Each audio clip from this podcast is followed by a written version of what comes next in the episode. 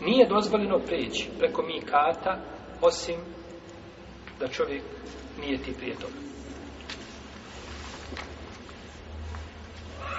Ko pođe na hađi na umru, nije mu dozvoljeno da pređe preko mikata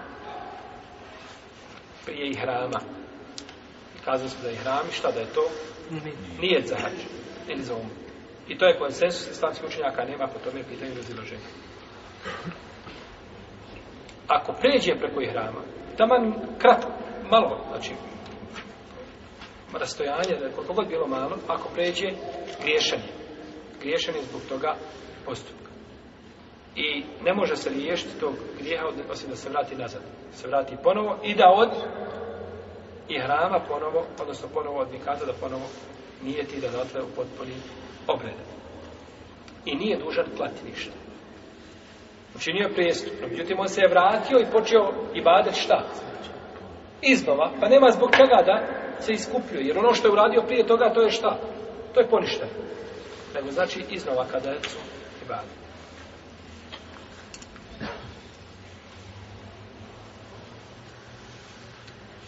I ovaj stav imama Šafije, Seurija, Ibu Jusufa i Muhammeda i drugi. Dok kažu Malik, Ibn Mubarek i Ahmed da neće biti pošteđen žrtve ako se vrati na zemlju. Neće biti pošteđen žrtve ako se vrati na zemlju. Ebu Hanife kaže, neće biti pošteđen ako se vrati sa telbijom. U put, dok se vraća, mora šta donositi? Telbiju. Ako se vrati, ured, ako vrati se bez telbije, dužan je da donese ili da zakolje korbanje.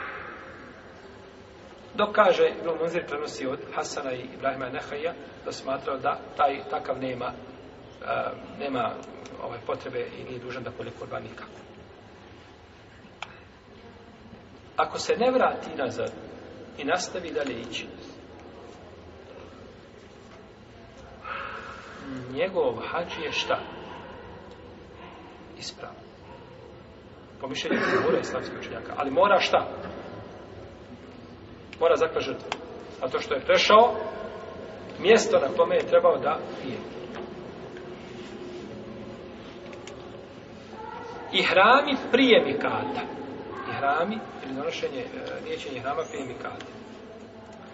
Islamski učenjaci su složni od ashaba tabina i nakon njih da je čovjeku dozvoljeno da nije ti prije odnosno da nijeti na mikatu i prije mikati. S tim što je nijećenje ihrama prije mikata mekruh. Znači kada? U Medini da se nijete ihrami, a nećeš zadati Zul Huleif.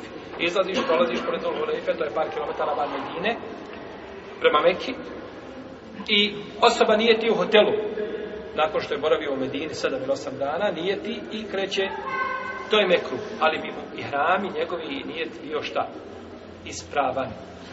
Jedino kaže Davud Zahiri da nije da ne bi bili ispravni. međutim, konsensus vam je prije toga. Ali imam mali kada je upitan, da, čovjek ga je pitao da li da nije tim iskućuje, kaže bojim se za tebe fitneta. Kaže kakvog fitneta? Pa je spomenuo ajetu kome uzvišen Allah kaže kad jahder ili ladine juhalifuna nemriji an tusibahum fitnetuna au yusibahum azabun alim. Da ga fitnet kakav uvjeri ne zadesi. Zbog onoga što radi suprotno poslaniku sallallahu alejhi ve sellem. Pa mu je rekao šta smeta? Kaže kako šta smeta da radiš suprotno onome što radi Rasulullah sallallahu alejhi ve sellem. No međutim to je ako smeta sa strane da radi čovjek pogrešno suprotno sunnetu, ne znači da je svaka radka, svaki postupak koji je uradio pogrešno sunnetu, da to stvari njegov šta?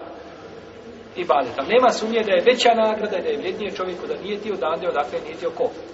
Resulullah s.a.v. odnosno bolje kada sa mikata ili ovaj e, mjesta ili mikata koje odredio Resulullah s.a.v.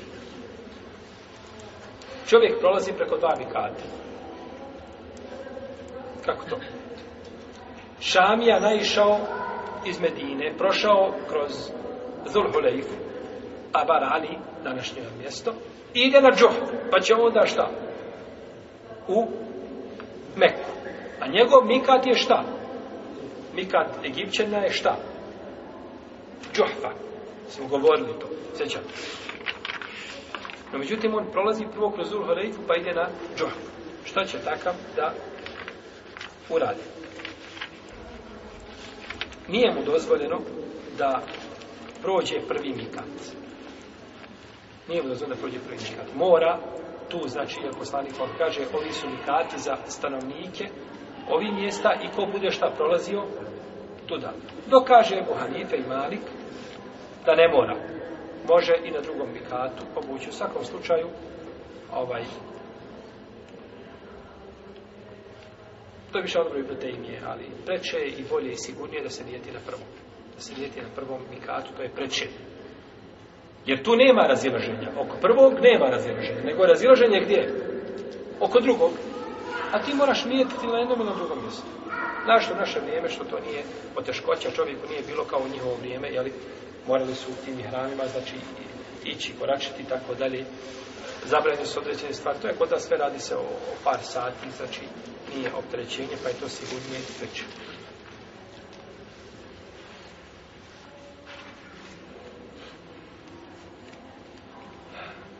Uvjetovanje prekidanja obreda ako čovjeka a, zadesi nešto zbog čega mora prekinuti te obrede. Dozvoljeno čovjek koji je u hramima kada nije ti da kaže Allahume mehalli hajzu habesteni. Da čovjek završi svoje obrede tu znači gdje se je na, za, za, ovaj, našao uzor ili opravdanje, zbog toga treba da prekine svoje obrede. A to što je tako, kaže Aisha radi Allah ta lanha, ušao je poslanik Hosan kod Iba'a i Zubeir, pa je rekao joj da tako nijeti.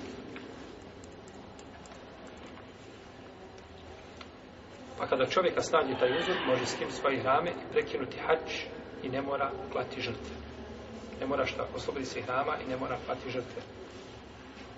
A ako bude prinuđen da prekine, dužen je zakon, zakon je to kaže uzvišenje Allah, fe inuh sirtum, fe me ste i sar mi ne Da u tom slučaju, znači čovjek kolje šta? Kurban. Da u tom slučaju čovjek kolje kurban.